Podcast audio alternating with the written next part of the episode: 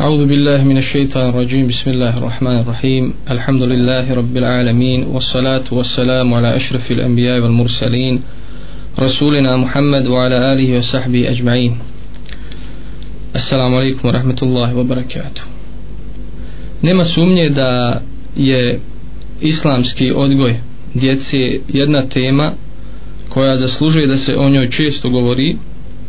i da se prokomentariše prije svega što živimo u jednom vremenu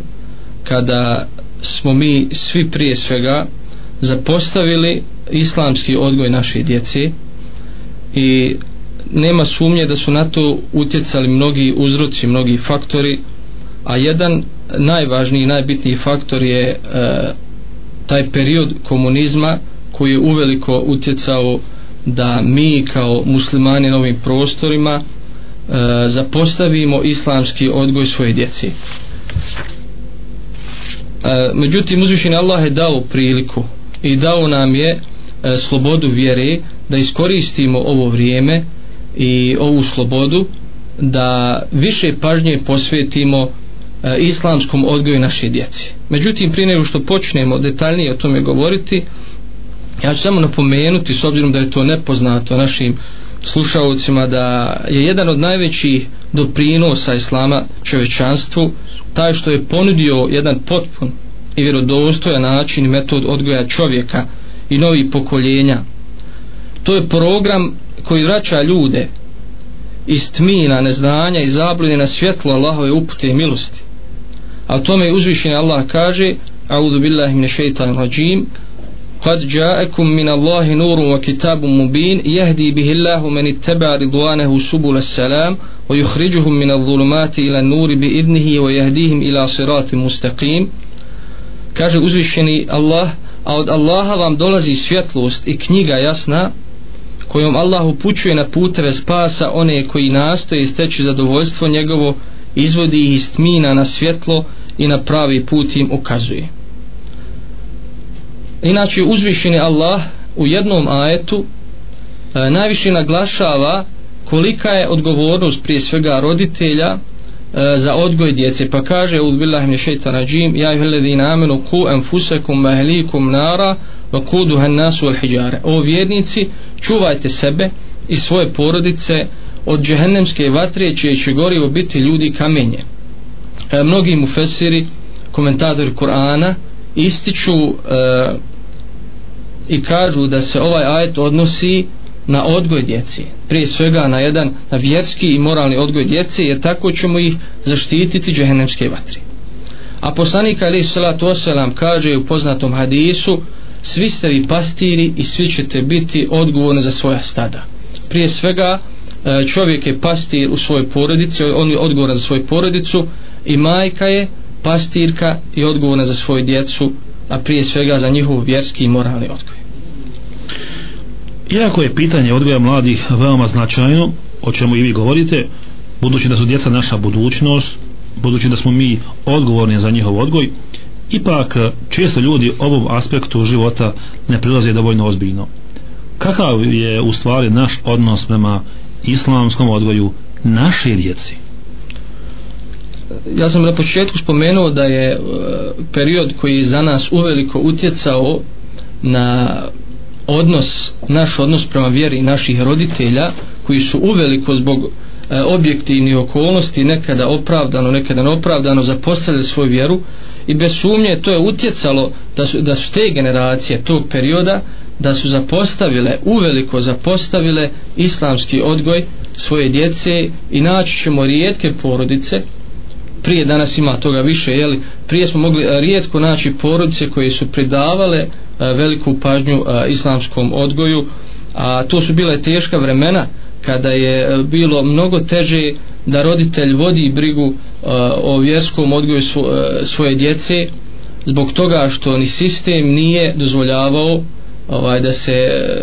kroz institucije, državne institucije, kroz škole da se promovira vjera, i često su, često su mnogi omladinci bili zatvarani i tako dalje e, skidani sa pozicija od društva zbog toga što su bili više e, privrženi vjeri zbog toga što su ovaj težili prakticiranju vjere u svome životu znači nema sumnje da je ovaj do, do rata da je taj naš odnos bio uh, veoma loš uh, naš odnos prema odgoju naše djece međutim uh,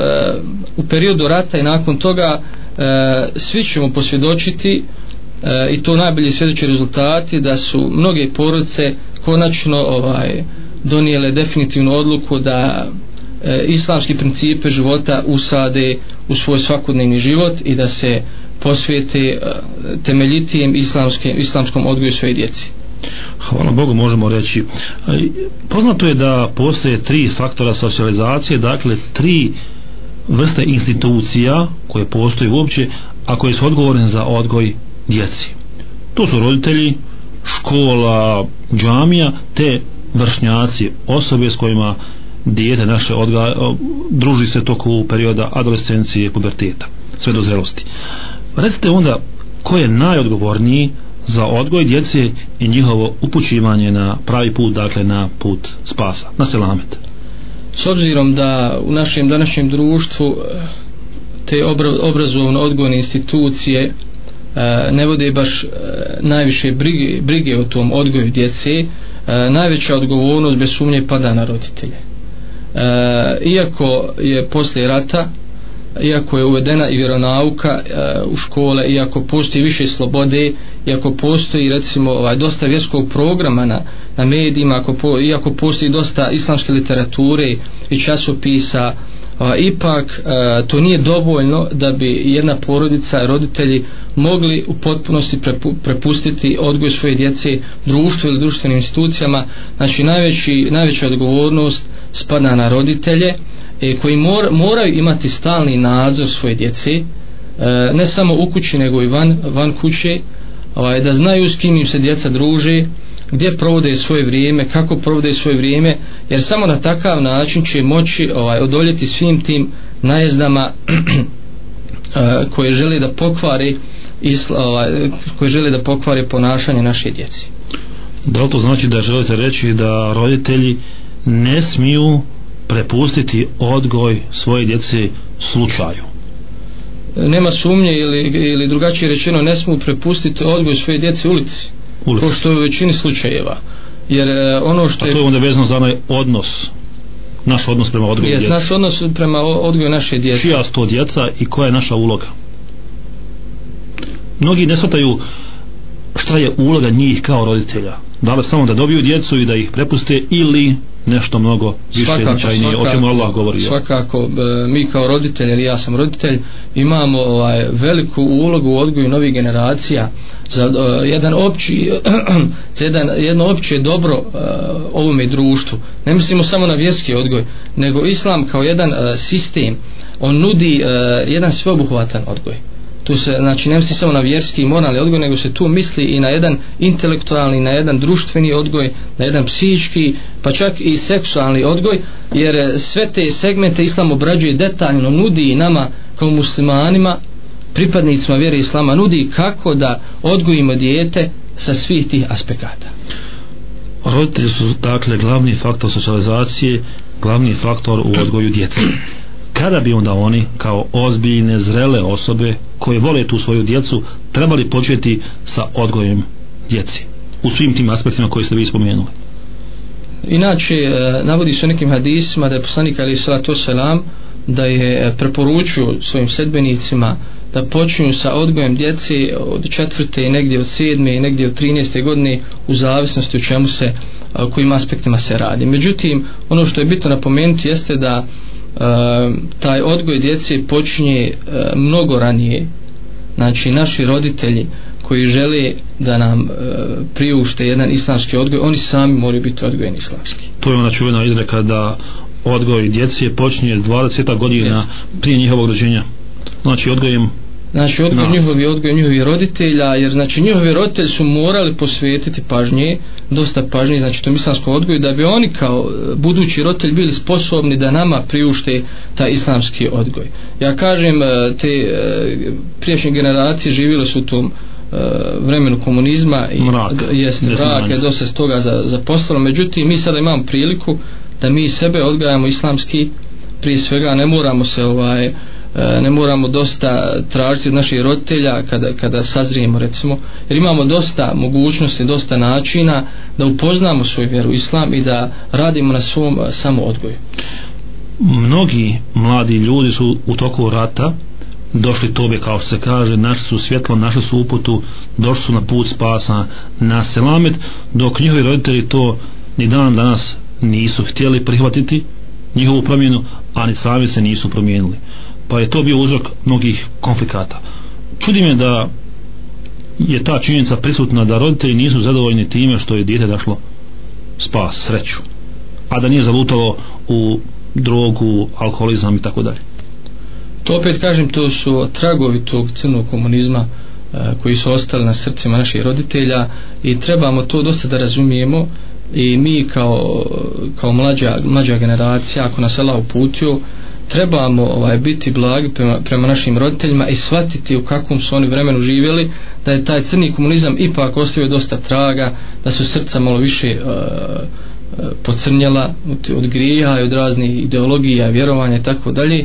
pa treba dosta ovaj, i sabura i samilosti prema roditeljima a ono što ne trebamo nikako zaboraviti jeste dova dova je i e, tekako učinkovita jer dovom Allah subhanahu wa ta'ala može promijeniti mnoge stvari to znači da dolazi do zamjene uloga djeca preuzmaju ulogu istinskog odgledatelja svojih stalih roditelja koji sigurno. nisu ja sam ovaj kazao da su ovi, da su ove okolnosti ratne i posljeratne da dosta doprinijele da su, da su mnogi omladinci eh, Allahovom voljom bez, sazreli. Je, sazreli sami bez utjeca njihovih roditelja spoznali pravi put, upoznali pravi put E, zbog raznoraznih jel, faktora i oni e, i to je jedna zahvalna uloga jel, oni sada utječu na svoje roditelje popravljaju njih i to je jedna zahvalna uloga iako se stvari jel, prokrenule ovaj, ja kažem opet e, koristim ovu priliku da to je omladini tim omladincima ovaj, uputim ovaj, savjet da budu blagi prema svojim roditeljima bez obzira što oni mnoge stvari ne mogu da shvatiti a to je Allah naređuje makar bili oni nevjernici čini se ima slučaj Ibrahim alejselama sa njegovim ocem Azerom što je Allah njemu naređuje to se radi znači, u tom jednom općem dobročinstvu opće općem dobročinstvu ovaj ja pa makar nam roditelji bili i ovaj ne, ne muslimani ili, ili da kažem nevjernici moramo biti ovaj blagi samilosni i ono što opet kažem i eh, napominjem jeste da ne zaborimo nikada dovu jer i sam Ibrahim alejselam i Muhammed alejselatu selam ali su molili za svoje roditelje da je Allah uputi na pravi put a i roditelji to trebaju činiti za svoju djecu da mole Allaha da im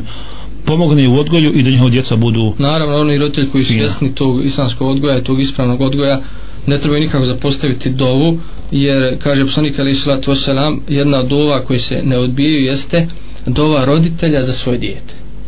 dova roditelja za svoje, za svoje dijete, dijete jeste. i lijepa i ružna dova ima dobar otac za svoje dijete i protiv svoga djeteta. Šta, pre, šta li ljudima preporučiti? Ljudima preporučiti. Da budu ozbiljni, ja mislim. Dovu za svoje dijete. Dovu za svoje dijete. Koju? Da, da ga uputi na pravi put. Pa to recite, jer ljudi često u neznanju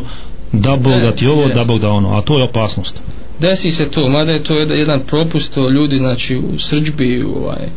nekontrolisanju svojih emocija, često e, kletu svoju djecu i to je pogrešno, jer uzvišen Allah može onaj, usrećati tu dovu, ako su roditelju pravu, ako je upravo, znači, opravdana ta kletva, jer uzvišen Allah ako usrša tu dovu, onda ovaj, su posljedice katastrofalne. Dakle, Allah Đelšanhu može usvojiti iskrenu dovu bilo koga, posebno roditelja za svoju djecu i da im olakša odgoj njihove djece i da djeca budu kasnije Sigurno, sigurno i to je potrebno i naročito u ovim vremenima kada roditelji moraju dosta više ulagati truda ovaj, za odgoj svoje djece jer je dosta je izazova, dosta je faktora koji utiču na, na ovaj, devijantna ponašanje naše djece. Poštovani slušalci BM Radija, vi slušate emisiju Islam vodiš kroz život u kojoj večera sa profesorom Morisom Abdelbarasom Rimom razgovaramo o islamskom odgoju naše djece mladih. Poštovani slušalci BM Radija, vi slušate emisiju Islam vodiš, vodiš kroz život u kojoj večeras razgovaramo sa profesorom Morisom Abdulvarasom Ribom o značaju i karakteristikama islamskog odgoja djeci. Kad govorimo o islamskom odgoju naše djece i mladih, neizostavno je i pitanje namaza glavnog stuba islama kada, s koliko godina bi djeca trebala početi učiti klanjati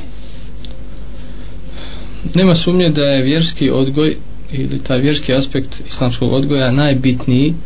zbog toga što od njega zavisi e, čovjekova sudbina na onom svijetu a kao stub islama nema sumnje da najveću pažnju pri odgoju djece trebamo pridavati ovaj namazu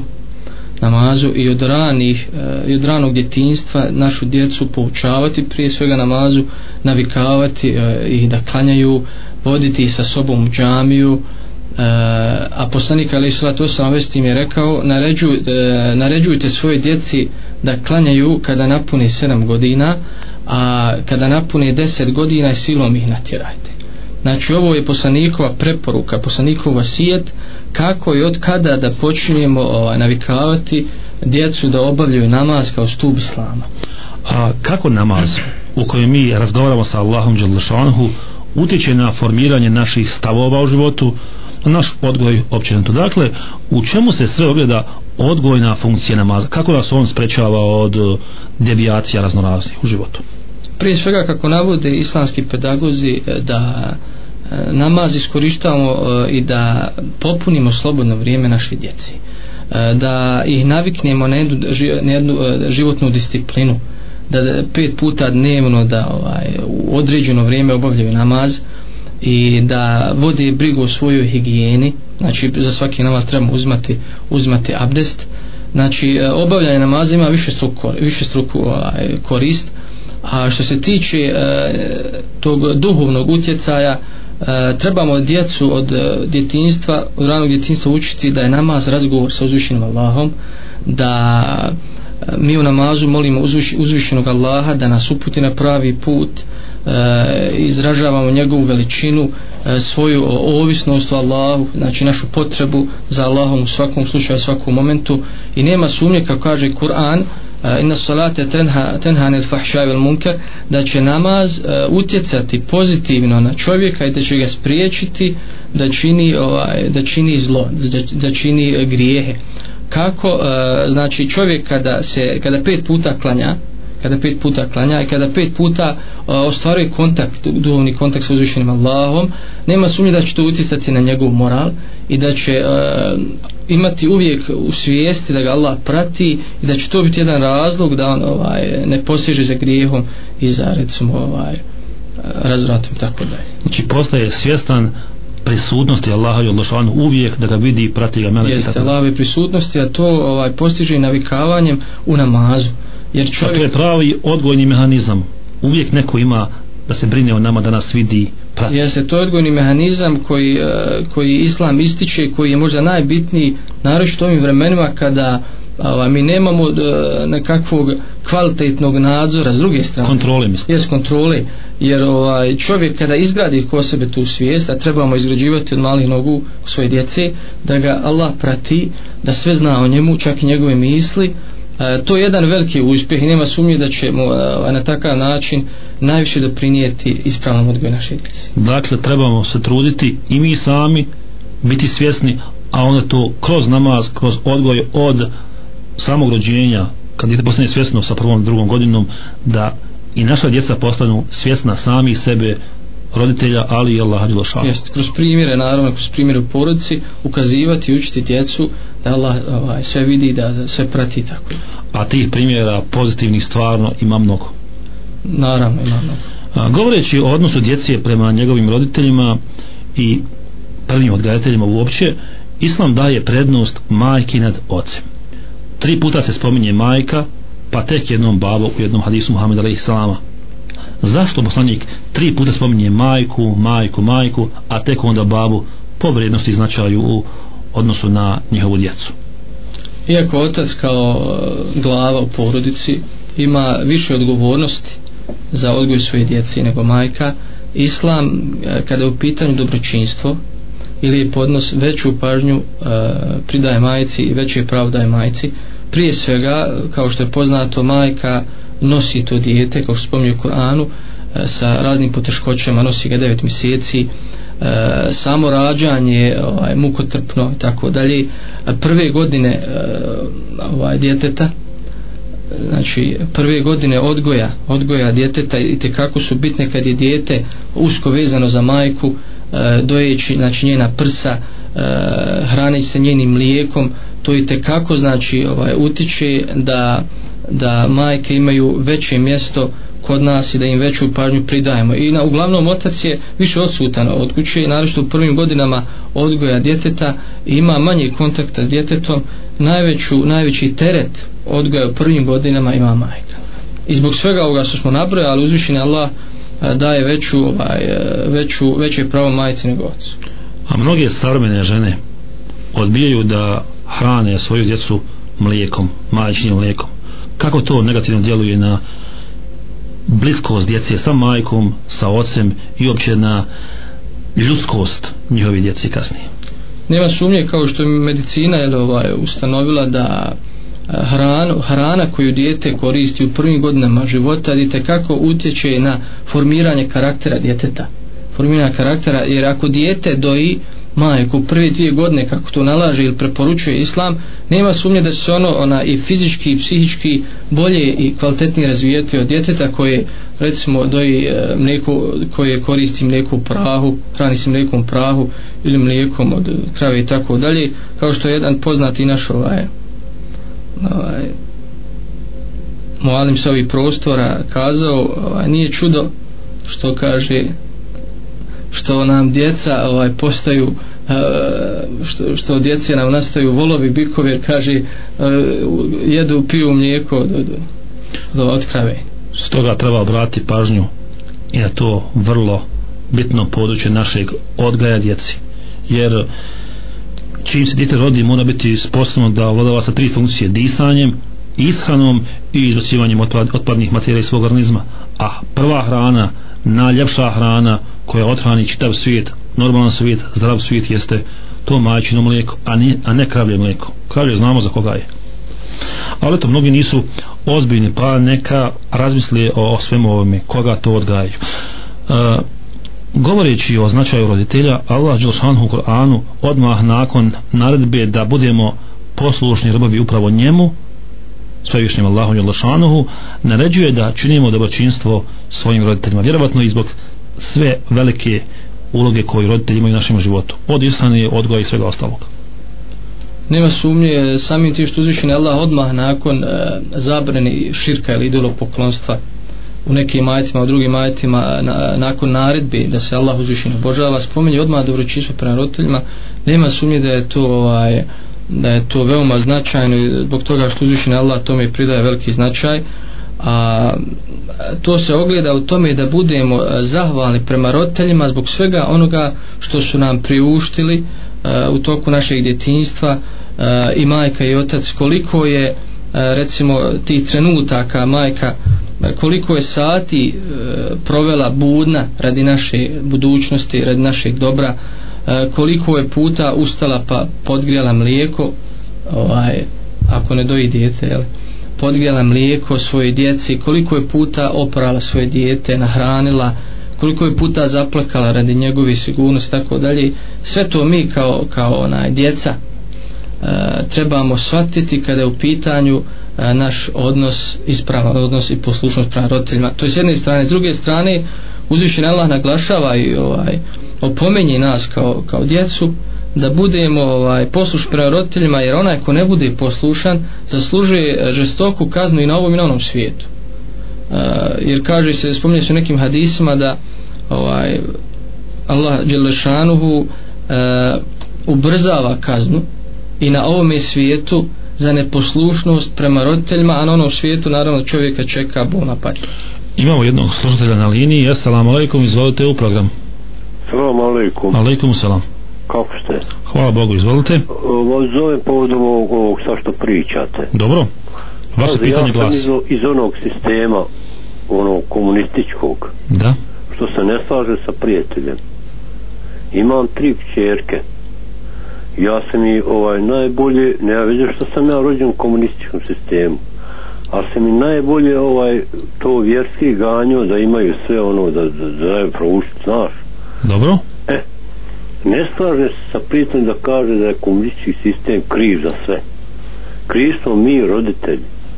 Pa ja čini mi se tamo... da je naš gost rekao da je taj sistem onemogućavao, ne, ne, osvećavao, ja se... a da je bila porodica ljudi koji su bili uporni i odgledali svoj dišće. Ja sam 52 godište. Ja sam, ja sam... moja mama i babo prenijeli i u onom sistemu kad nije imala pojma da se kaže da se tim snimala Bošnja. Budite im ja zahvalni sam... što ste imali takve roditelje, a naš gost je upravo na tom tonu to i rekao. Jeste, ja, sam, ja sam napomenuo da je bilo porodica koje su vodile brigu o vjerskom odgoju svoje djeci, međutim, bi, međutim bilo ih je veoma malo. Vjerovatno ste vi jedna od tih porodica. Pa i mi smo dokaz. Jeste, mi smo dokaz, naravno. I Brem je ovaj, dokaz. Onaj, e, a, međutim, činjenica je da onaj a, e, sistem, objektivno gledajući, da je uveliko doprinjeo da se muslimani ovaj, odrode svoje vjeri. Ali eto, hvala Bogu, takvi više nismo i nadam se da više nikada takvi biti nećemo. A, govoreći o značaju roditelja, posebno majke, Muhammed Aleyhi Selam je rekao čuveni hadis, džennet je pod majčinim nogama. Nije to džaba rekao, čini mi se. Pa nema sumnje, iako ovaj, ali, eh, postoji malo eh, govora o vjerodostojnosti u hadisa. Ja, vi ste profesor hadisa, jest, pa nešto recite o tome. Ovaj, eh, ali pauka je sigurno vrlo značajna. Jest, pouka je vrlo značajna jer čovjek e, ako želi da postigne džennet između ostalog mora e, najprije svega povesti brigu o svom odnosu prema ovaj, roditeljima a ponajprije prema majici a značenje ovog hadisa je koje je spona, spona njegove vjerodostojnosti jeste da ovaj da čovjek svojim dobročinstvom prema majici e, samo time mogao bi da zasluži džennet samo kada je bio na tom polju aktivan ovaj, i ako bio brižan prema svojoj majici, bio dobročinitelj i pazio i do same smrti, pazio i do same smrti, mogao bi samo tim djelom da postigne dženet. A s druge strane, ako bude neposlušan i ako bude ovaj grub prema majici, može zaslužiti džehennem, iako s druge strane ima dosta dobrih djela. Vrlo značajno pitanje. Dobro, da kažemo jedno o jednom vrlo bitnom aspektu života razmišljanja naših ljudi od bošnjaka negativnom razmišljanju a, koliko je negativan na odgoj stabilnost, smirenost te psihičko zdravlje djeci djeluje pravljenje razlike u ljubavi među svojom djecom mnogi ljudi više vole mušku djecu, svoje nasljednike odnosu na žensku djecu koliko to osjećanje da nekoga više roditelji vole odnosno na nas pravi ljubomoru i sve kasnije probleme koji iz svega toga proizilasi tokom godina razvoja. Nema sumnje da u prirodi svakog čovjeka postoji to ovaj, pravljene razlike između muška i ženska. Međutim, to mi kao musman moramo prevazići, savladati kod nas. Znači, ovaj, moramo uspostaviti jedan pravedan odnos prema našoj djeci. A nema sumnje da nepravedan odnos. Znači, prema našoj djeci ostavite kako ovaj, katastrofalne posljedice po mentalno zdravlje djeteta po njegov e, jedan ispravan e, psihički razvoj e, a u vezi s tim poslanik ali to se nam bilježi se jedan hadis da mu je došao jedan čovjek i rekao da je poklonio da dao jedan poklon svome sinu pa je poslanik ali to se nam rekao jesi to uradio i svoj ostalu djeci a imao je dosta djece pa kada je rekao da nije poslanik ali to se nam je rekao učini to i sa ostalom djecom to je da i njima poklon Znači ovim hadisom poslanik a.s. je htio da naglasi da mi kao roditelji e, moramo imati isti tretman prema svoj djeci iako ljubav u našim srcima e, ne možemo ravnomjeno podijeliti. To, e, to je znači e, moć uzvišenog Allaha. Mi možemo, znači u svom srcu da volimo više jedno dijete drugo, međutim to ne smijemo ispoljavati pred njima. Ne smijemo ispoljavati da oni to primijete jer nema sumnje da će to ostaviti uh, dugotrajne posljedice na mentalni razvoj djeteta djete se može povlačiti u sebe smatrati se ovaj manje vrijednim, inferiornim tako dalje i nema sumnje da od takvog djeteta ovaj, društvo neće imati nikakve koristi a koliko samo nadjevanje islamskog ili onako pod navodnicima modernog imena može djelovati na kasniji odgoj naše djece To je vrlo bitno pitanje po Muhammedu alaihi salamu. Inače, nadjevanje, znači, e, islamskih imena je nešto što je preporučivo, preporučivo, znači, po islamu, što je naglasio poslanik alaihi salatu wasalam, a u jednom hadisu je navodi da je poslanik alaihi salatu wasalam rekao, nadjevajte djeci lijepa imena, e, jer će biti e, na sudnjem danu prozivani po tim imenima i po imenima svojih očeva, a u drugom hadisu se navodi da čovjek ima udio u svom imenu pa trebamo paziti e, kakva ćemo imena nadjevati e, to je trebamo paziti na značenje tih imena znači sva ona imena koja imaju pogrdno ili ružno značenje ili značenje koje je vezano za neko sujevjerje neke igre i tako dalje trebamo izbjegavati a nadjevati lijepa imena a, kao što su imena koja se navode u hadisu Abdullah, Abdurrahman imena poslanika kada su pitanje muška imena a iz historije islama iz naše e, znači, tradicije imamo dosta lijepih imena i lijepog sadržaja a, da nadivamo svoj ženskoj djeci. Trenutno u vojsci koja je druga životna škola, to svi znaju koji su bili u vojsci, pa kada dođe na odsutstvo, plaći majci na ramenu, moli je za oprost.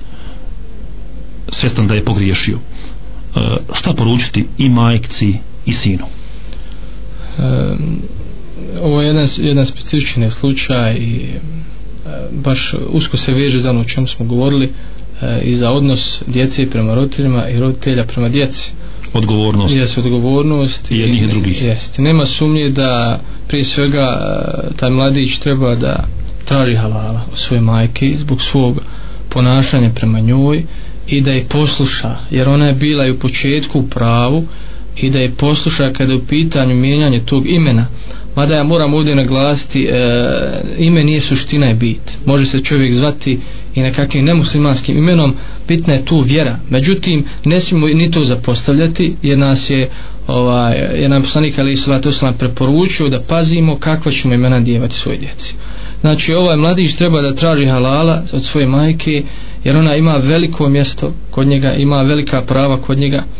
i da se, da se izmiri da ništa u njoj srcima ne ostane a majka je, bi trebala kao, kao majka čije srce je prepuno samilosti prema svom djetetu da mu halali sve ono što je bilo i da tu ovaj zaboravi kad govorite o halalu o traženju oprosta za svoje grijehe možete reći i ovoj majici i njenom sinu i svima ostalima koji učine grije kada ogriješli se od nekoga koji su uvjeti da bi ta teoba, to pokajanje bili primjeni kod Allaha Đelešanohu šta više ne smijemo činiti, a šta moramo činiti. Kada se radi o grijehu prema nekome, prema Božjem stvorenju, prema čovjeku, jedan od uvjeta, dodatnih uvjeta jeste da tražimo halala. Ako je ukaljena čast, ako je uzeto neko pravo da pravo vratimo, to je jedan od uvjeta da, da bi teuba bila primljena. A pored toga postoji i oni ovaj, uvjeti da se čovjek iskreno pokaje sa namjerom da se nikad više ne vrati tom dijelu, da od Allaha zatraži oprost, ovaj, i da eh, odluči da se više nikada neće vratiti tom dijelu. A kada je u pitanju eh, tuđi hak, eh, kao što se navodi u hadisu, ovaj, trebamo tražiti halal ako, ako je u pitanju ovaj, napad na čast ili uvreda, ako je u pitanju tuđi hak kao što je metak, moramo vratiti metak.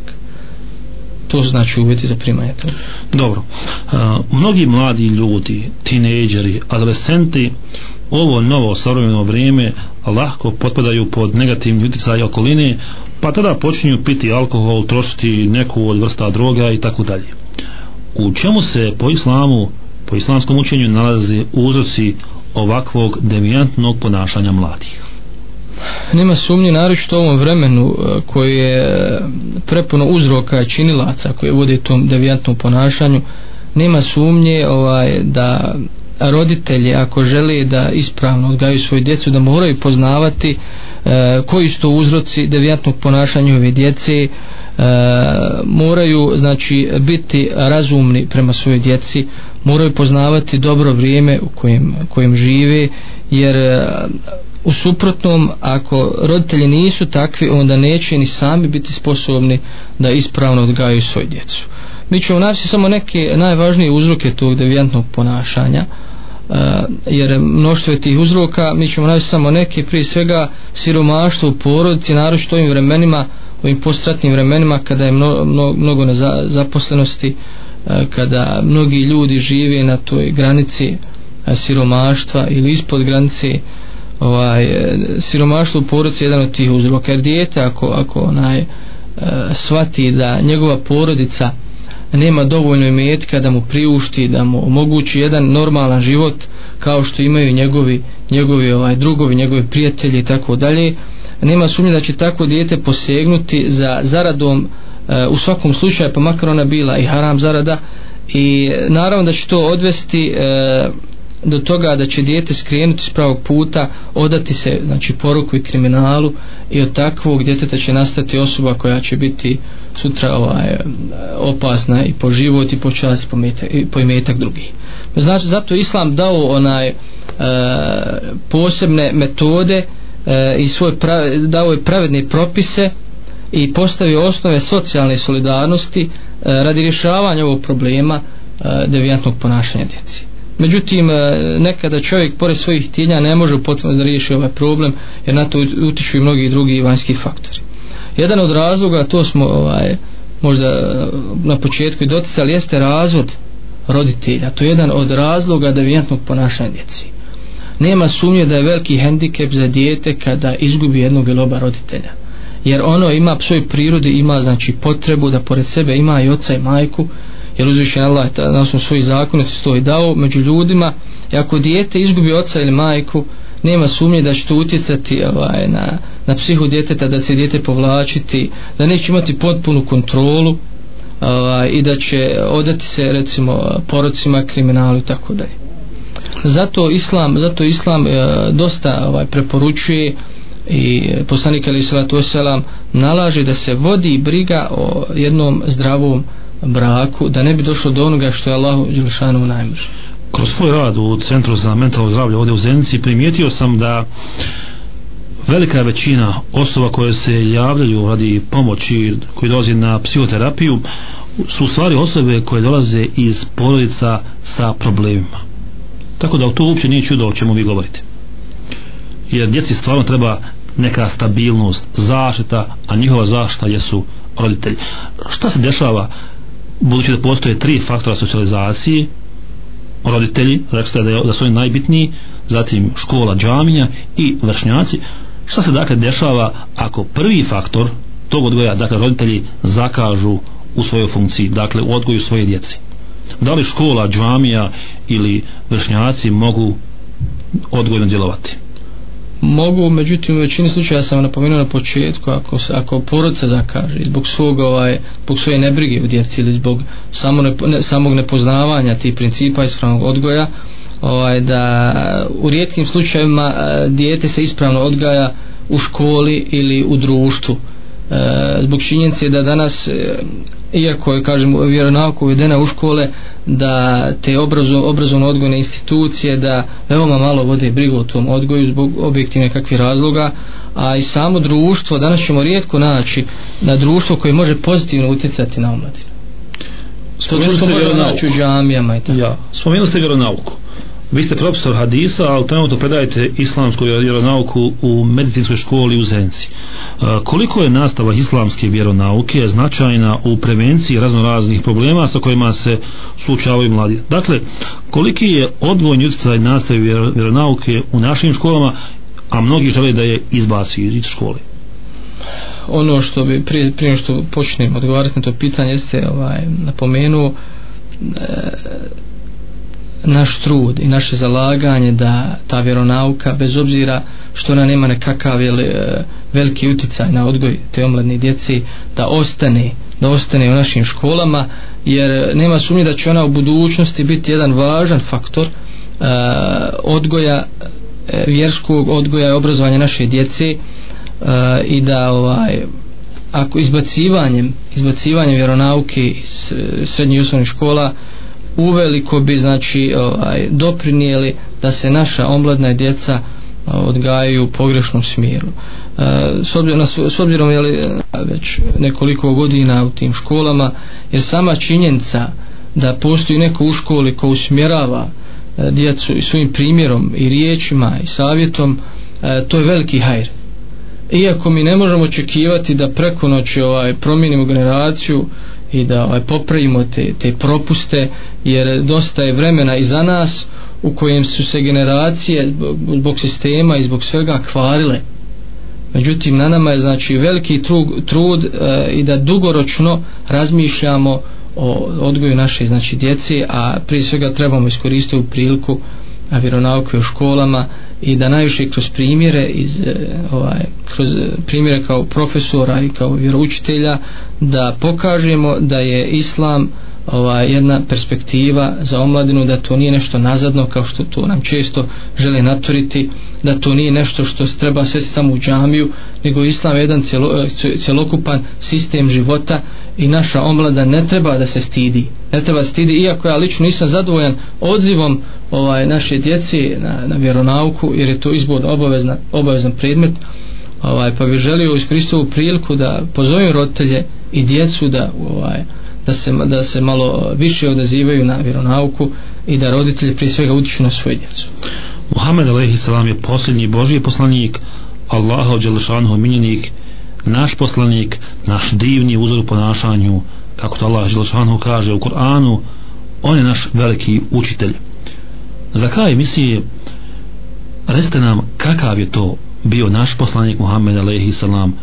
kakav je bio njegov pristup u odgajanju kako svoje djece tako i svojih vrlih ashaba najbolje generacije koja je ikada živjela